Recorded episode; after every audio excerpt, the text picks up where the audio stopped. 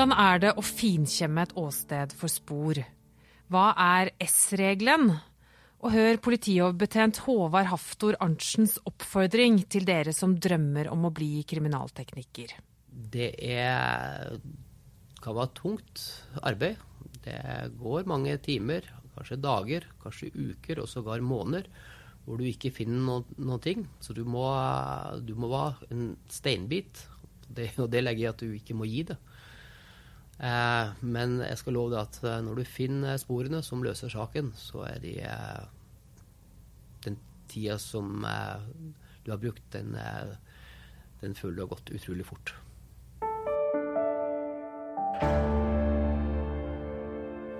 Dette er en podkast om livet og arbeidet på Kripos, og i dag skal det handle om menneskene inni de hvite dressene.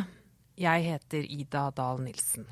Håvard Arntzen, hvorfor ble du kriminaltekniker? Jeg ble eh, kriminaltekniker fordi jeg ble veldig nysgjerrig på det faget. Og grunnen til at jeg ble nysgjerrig, det var at jeg var etterforsker. Og eh, på den tida i Brønnøysund så drev vi og var ganske gode på det med avhør. Folk, Vi hadde masse vitner, og vi hadde mistenkte. Men veldig mange av de her de skrøna i avhør. Og da følte du at du kom ikke noe vei med saken, og saken ble henlagt. For du var lensmannsbetjent Da, i Brønnøysund? da var jeg lensmannsbetjent, ja.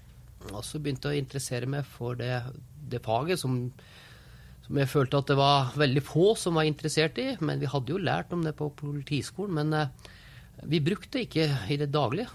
Og det syntes jeg var veldig rart. Og så begynte jeg å, å, å lære meg litt sånn småting. Hvordan man skulle sikre sånne enkle ting, sånn som fotavtrykk og, og fingeravtrykk. Og så ble det ble litt god i det der, som gjorde at vi fikk noen eh, løsninger på noen saker. Og det var en sånn booster som gjorde at jeg fant ut at kriminalteknikk, det hadde jeg lyst til å fordype meg i. Følte at det var et fag som eh, ga andre typer svar enn andre deler av etterforskningsprosessen?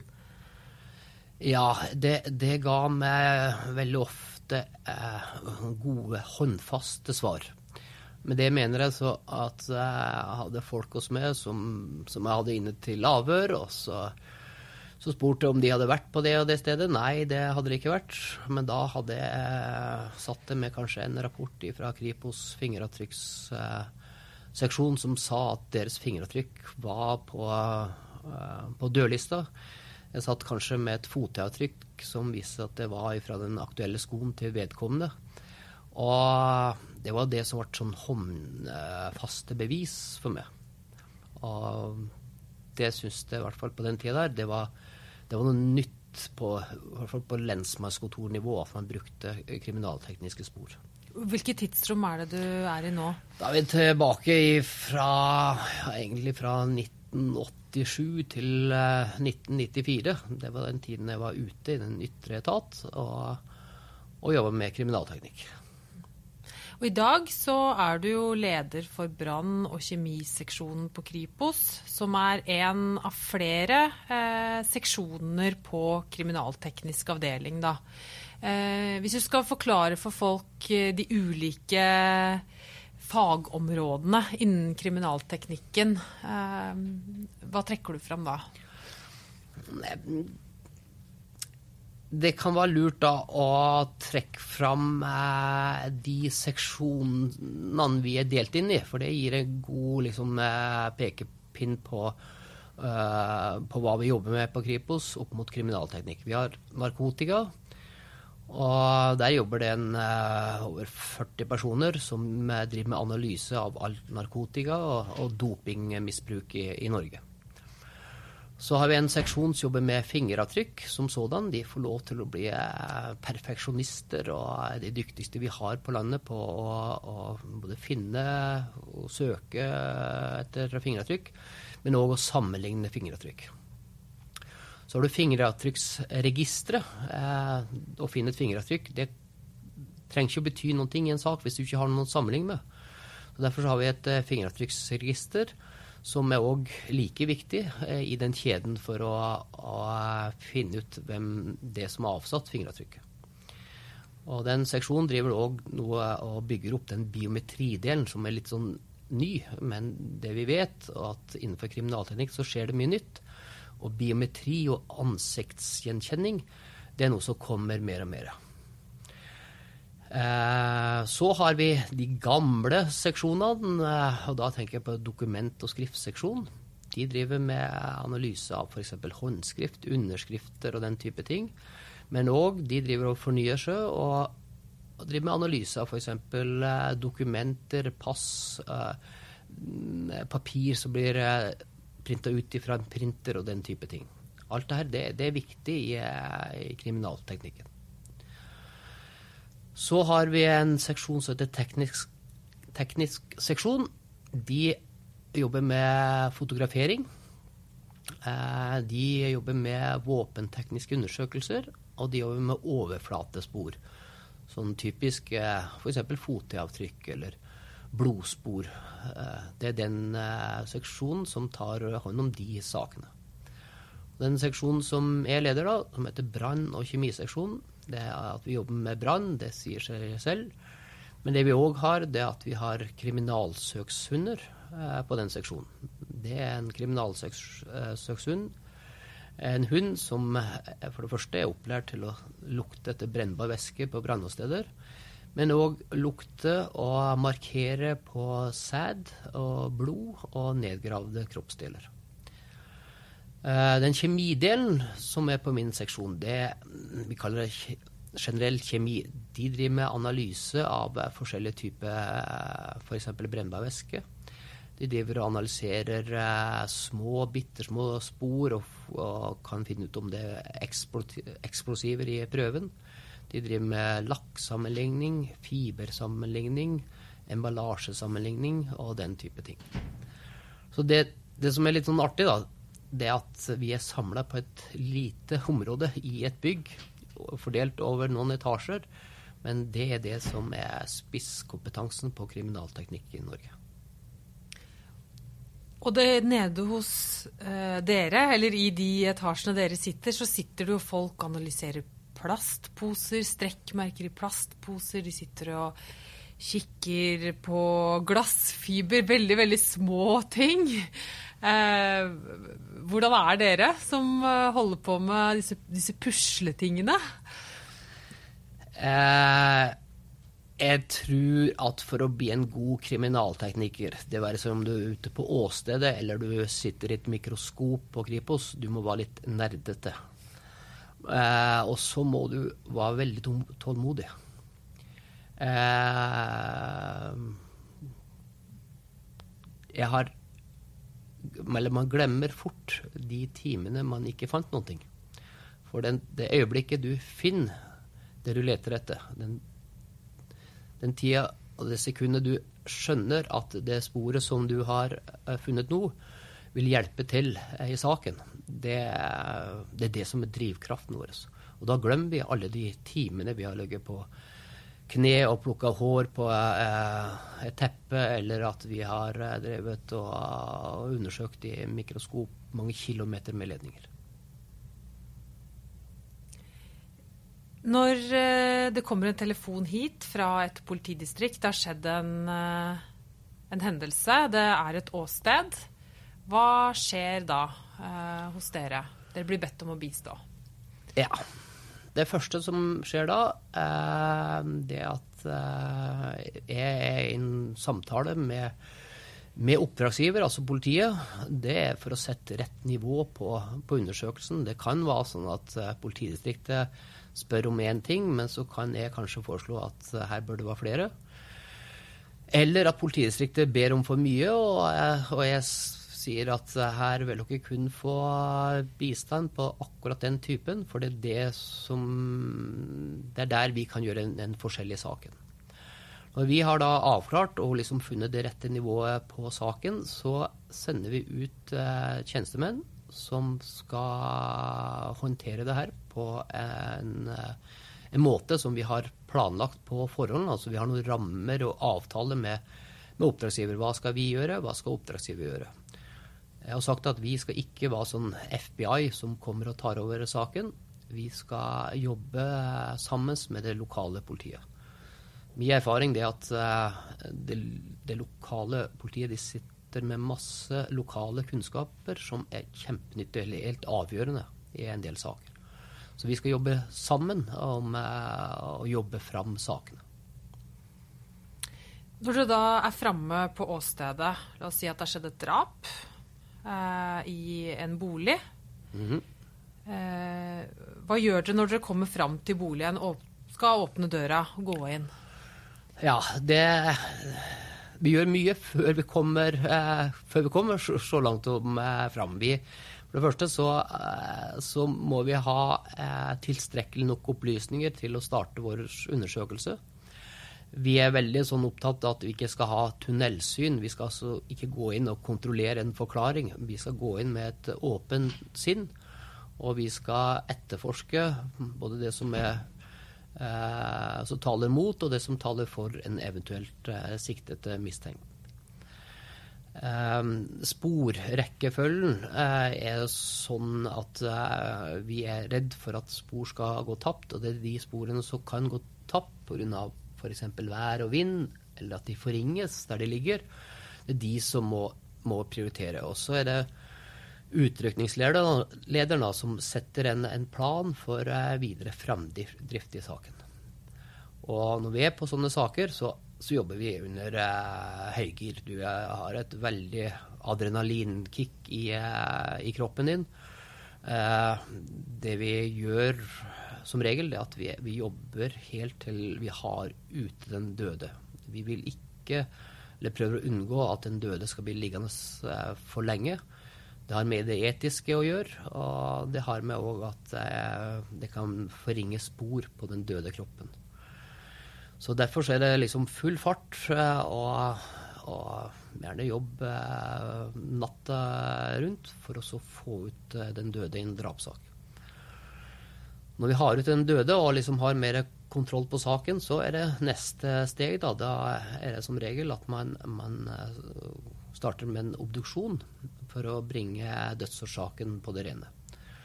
Eh, jeg har ofte sagt at eh, det er mye lettere med å jobbe med en drapssak hvor vi ser at vedkommende er skutt åtte ganger i ryggen. For da vet vi at dette er en sak som må etterforskes som et drap. Eller det er et drap kontra de sakene som vi kaller mistenkelige dødsfall, der vi ikke vet helt eh, hva som er årsaken.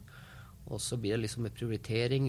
Skal vi liksom slå på stortromma og, og, kjøre en full undersøkelse, eller er det her mer sannsynlig at eh, f.eks. et eh, sykdomstilfelle?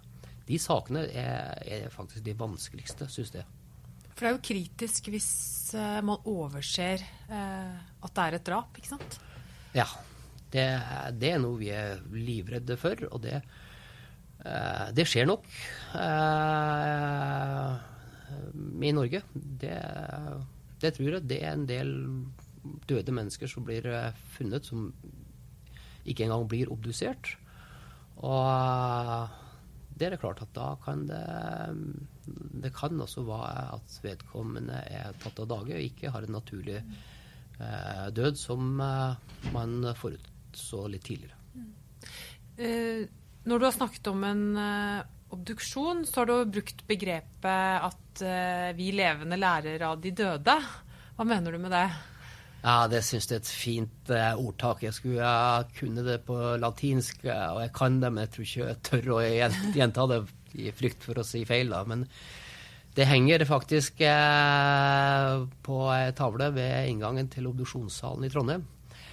Og eh, det her med patologi og undersøkelse av døde mennesker, det gjør man da liksom i, eh, i eh, to henseender. Altså i, i, innenfor kriminalteknikk og etterforskning så obduserer vi jo for å finne årsaken og, til at vedkommende døde. Men obduksjoner og medisinske obduksjoner, de er jo med på å, å, å styrke legevitenskapen, sånn at vi skal kunne leve lengre. Slik at vi skal hindre å få sykdommer og den type ting. Og det er der det der begrepet latinske ordet at de, de døde lærer de levende. Mm. Men det er vel også, du har jo også brukt begrepet at kroppen er jo et, også et åsted som skal gi eh, dere informasjon om hva som har skjedd. Ja. Ja, er helt klart I en drapssak så er, kroppen eh, en del av eh, åstedet.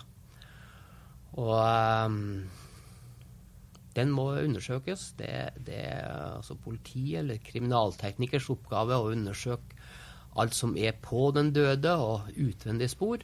Og så er det rettsmedisineren som undersøker de innvendige sporene. Men mine 24 år som kriminaltekniker på Kripos, så, så er det liksom godt å se tilbake til det samarbeidet mellom politiet og, og rettsmedisineren i den type sakene. For det er vanskelig. Rettsmedisin er ingen eksakt vitenskap. Blir man som kriminaltekniker helt komfortabel i jobben sin noen gang? Ja, jeg vet ikke helt hva du mener med det, men uh, ja. Uh, du føler en glede og en lettelse på enkelte saker, men så er det andre saker du føler deg ukomfortabel med.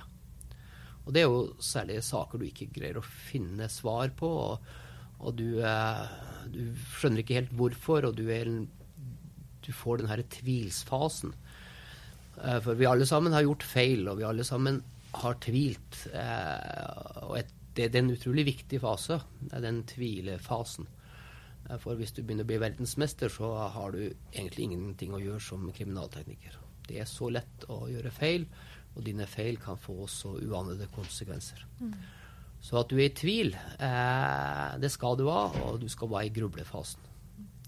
Eh, men du skal ikke være der hele tida, forhåpentligvis. og du, det er derfor du, at du må ha et miljø rundt det eh, som kan bidra til at man finner den, eh, rette den rette konklusjonen på hva, er, hva betyr sporet.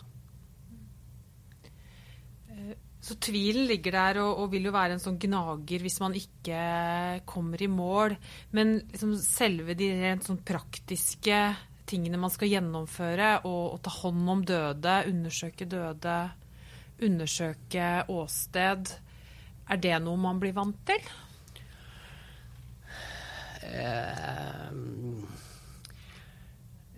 ja, du blir vant til metodikken, men du blir aldri vant til eh, skjebnen som ligger der. For de må du òg eh, ta med i det, i det, regnestykket her. For det er greit nok at du skal kunne faget ditt, du skal vite hvor du skal finne spor. Du skal vite hvordan du skal sikre spor, du skal vite hvem som skal analysere det sporet, og du skal kunne tolke sporet. Men oppi alt det her så er det en del sånn eh, Hva skal jeg si eh, Inntrykk som du tar med det. Altså sånn inntrykk som, eh, går på at eh, med å jobbe med døde mennesker, og eh, spesielt unger, det gjør, det gjør et, eh, et veldig inntrykk. Og da gjelder det å være profesjonell så langt man kan, og tenk på det aller viktigste. Det å å få de tause vitnene, altså sporene, til å fortelle historien til den døde. Det er det man må bestrebe seg på. Jeg har glemt å spørre deg om S-regelen. Ja. Den bruker dere? Den, den, bruker vi. Ja. Hva er det for noe? Nei, det var, Jeg lærte den vel første gang i 1987, når jeg begynte på, på Politiskolen. Og da måtte vi sitte og pugge den eh, regelen som, eh, som heter såkalt S-regel, og som handler om, å, eh, om kriminalteknikk. Og den går som følger. Søke, samle, sikre spor som sannsynliggjør sakens sanne sammenheng, så vel sikteres skyld som skyldfrihet. Og den, den var da populær i 1987, og jeg tror det faktisk på Politiskolen at de lærer den en dag i dag. Jeg tror du må si den en gang til litt saktere, for den er skikkelig for sånn krøll på tunga. Søke, samle, sikre spor som sannsynliggjør sakens sanne sammenheng, så vel sikteres skyld som skyldfrihet. Yes. Objektiv uh, inngang på etterforskningen, hvis vi skal trekke ut noe essens der. Litt mo mer moderne ord, ja. Det, men det, det er jeg enig i. Mm. Når vi lager de podkastene her, så har vi spurt uh, de som er med, hvilken sak de husker. Uh, og det er litt spesielt med deg, Håvard, for du har jo skrevet en bok uh, faktisk som tar for seg en hel rekke saker som du husker og ser tilbake på da, gjennom over 20 år som kriminaltekniker. så jeg lurer på om jeg skal spørre deg først hvorfor du valgte å samle Eh, alle disse sakene og historiene i en bok?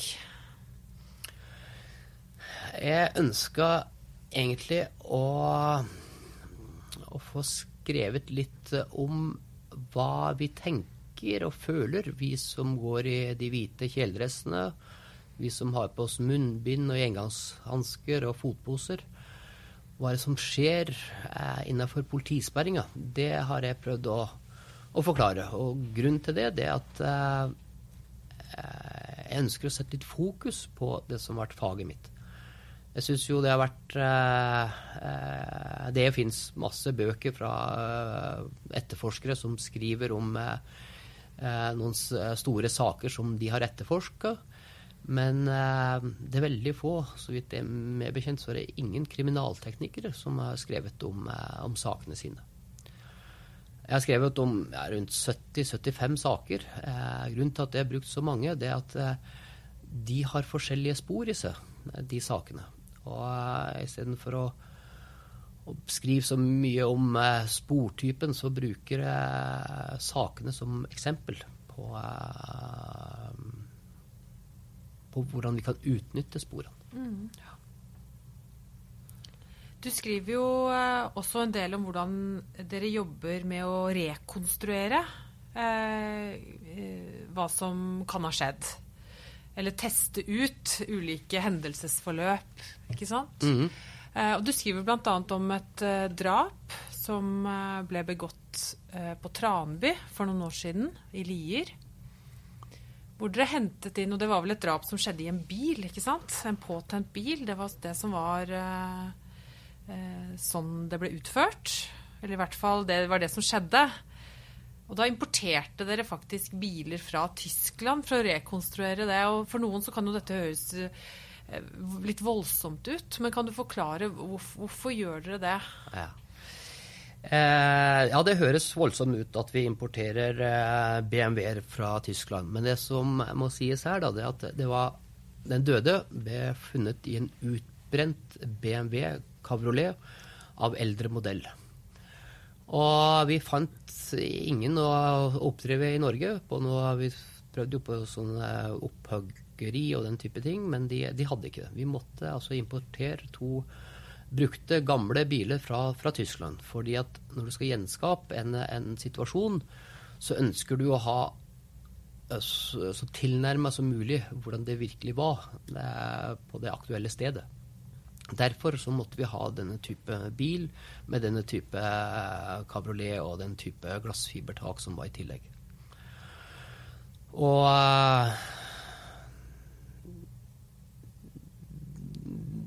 det som er litt sånn vanskelig, det er, det hva kan man finne ut? Finner man egentlig ut så veldig mye med å kjøre rekonstruksjoner? Og mye erfaring det at man legger en plan, man skal se på det og det, men man vet egentlig veldig sjelden hva resultatet blir. Eh, I den aktuelle saken så brukte vi f.eks. en død gris for å simulere den døde. Hvorfor det? Jo, fordi at eh, her var Når vi undersøkte den utbrente bilen, så var seteryggen i nedeposisjon. Altså som man kan tenke seg at man skrur ned setet, sånn at blir nærmest et liggesete. Men spørsmålet var om den, den døde hadde skrudd ned eh, setet og lå i setet, eller om setet hadde pga. brann forflytta seg i den posisjonen. Forsøket der viste oss at eh, grisens tyngde og brannens intensitet gjorde at posisjonen på setet forandra seg. Det var bare et sånt eksempel, men, men det, det, er masse sånne små ting man kan eh, eh, dra nytte av ved en, en, rekonstruksjon. I tillegg så er det selvfølgelig at, eh, at man Man legger inn gjenstander, og man undersøker hva, blir hva kan man finne igjen eh, i en brann, eh, og hva finner man ikke igjen.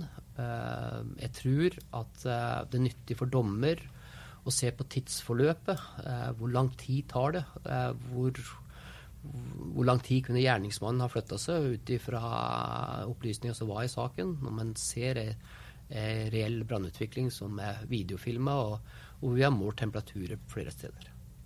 For dere gjør da disse forsøkene, og dere filmer de, og så blir de lagt fram i, i, uh, i retten, ikke sant? Ja, ja.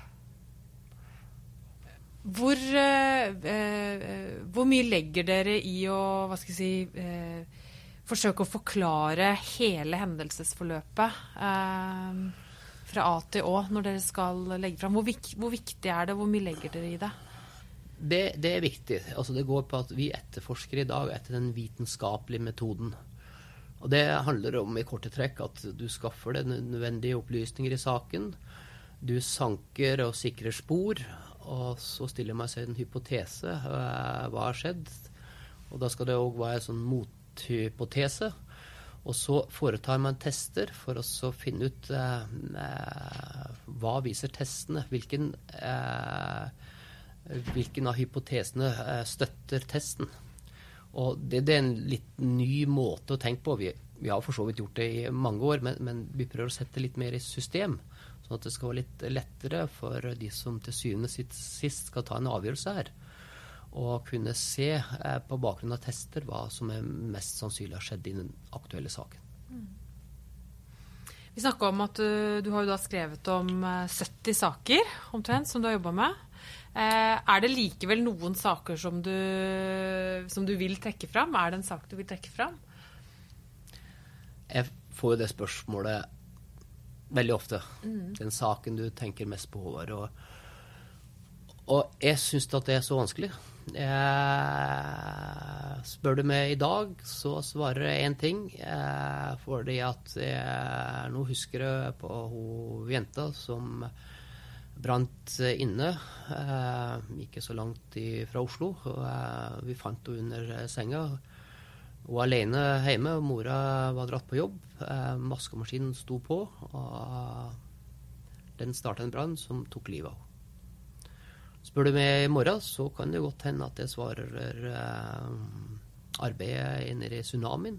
Det voldsomme inntrykket som var der med konteinere på konteinere med døde mennesker, og du så liksom aldri enden på arbeidet. Eh, spør du meg på søndagen, så kan det være treåringen som ble rygga på og, og, døde og hadde med seg bamsen på obduksjon. Så alle sakene, de ligger der. Jeg, jeg, har ikke lyst til å si en sånn verste sak og en sånn, eh, en sånn sak som jeg husker så mye nevnt at jeg har skrevet en bok, men det har faktisk vært en sånn fin reise at, eh, at jeg har tatt fram de her sakene, gått litt mer i dybden. Og uh, på en måte uh, reflektert over, over, alle sakene. Jeg hadde lyst til å snakke litt med deg om hvordan arbeidet dere gjør kan bidra til å forebygge branner. for det har du vært litt opptatt av. Mm. Eh, kan du si litt om, om, hva du tenker rundt det? Ja, Politiets viktigste oppgave det er å, å forebygge. og I mitt hode så tenker jeg at måten vi kan forebygge på, vi som er etterforskere, det er at vi, vi oppklarer brannene. Eh, det er om brannen er påsatt, eh, eller om brannen skyldes en elektrisk feil, eller om brannen skyldes lynnedslag eller sollys, alt det her.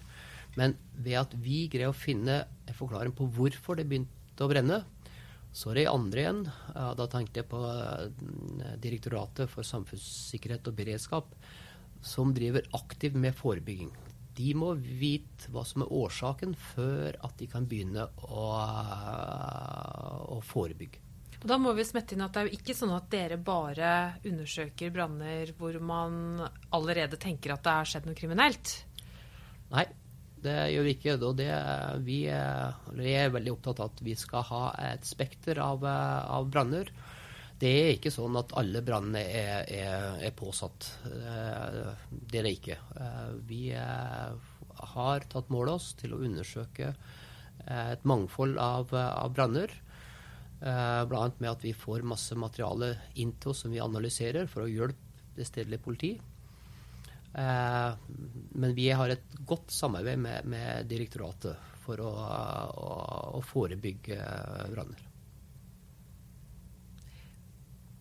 Ser, ser, du at uh, innspill dere kommer med, altså undersøkelser dere gjør av om det er elektriske anlegg eller andre ting som har forårsaka en brann, ser dere at det resulterer i tiltak i andre enden? Ja, det ser vi. Og det, det er jo det som er, er, litt sånn godt, at man føler at uh, den jobben som blir gjort, har noe nytte. Som et eksempel så hadde vi for en del år tilbake veldig mange branner i oljeovner. Eh, og det medførte et, jeg tror det var 17 oljeovner som ble trukket fra markedet. Og uten at jeg har noe statistikk på det, så, så, det, så ser vi at det er stor nedgang i den type branner. Så syns jeg òg at uh, alle de her dødsbrannene og undersøkelsene som er gjort der, det har jo skapt et, uh, et et, eh, behov for å sette inn tiltak eh, mot eldre folk eh, og, og branner. For det, det, viser jo statistikken at det er veldig ofte eldre mennesker som, som dør. Og der syns jeg at Direktoratet for samfunnssikkerhet og beredskap har vært veldig flink og, og fulgte opp det her. Så eh, nå ser vi at dødsårsaksstatistikken går går ned. Så får vi håpe at den blir så lav som den var i fjor. Mm. Hvis det er noen som hører det her og lurer på eh, om kriminalteknikk er noe for dem, hva vil du si? Jeg, jeg kan i hvert fall eh, si at eh, du må være klar over, var klar over at det, det tar litt tid å bli god i det her. Eh, du må bruke en del teori. Du må ha litt praktisk erfaring. Eh, det er, kan være tungt arbeid. Det går mange timer, kanskje dager, kanskje uker og sågar måneder hvor du ikke finner no noen ting. Så du må, du må være en steinbit. Det, og det legger jeg at du ikke må gi det. Eh, men jeg skal love deg at eh, når du finner sporene som løser saken, så er de eh, Den tida som du har brukt, den, den føler du har gått utrolig fort. Tilfredsstillelse? Ja. Det er vel den følelsen, den, den gode følelsen. Det er den som er viktig når du avslutter arbeidet for dagen, og at du føler at uh, i dag så gjorde jeg en, en viktig jobb. Takk skal du ha.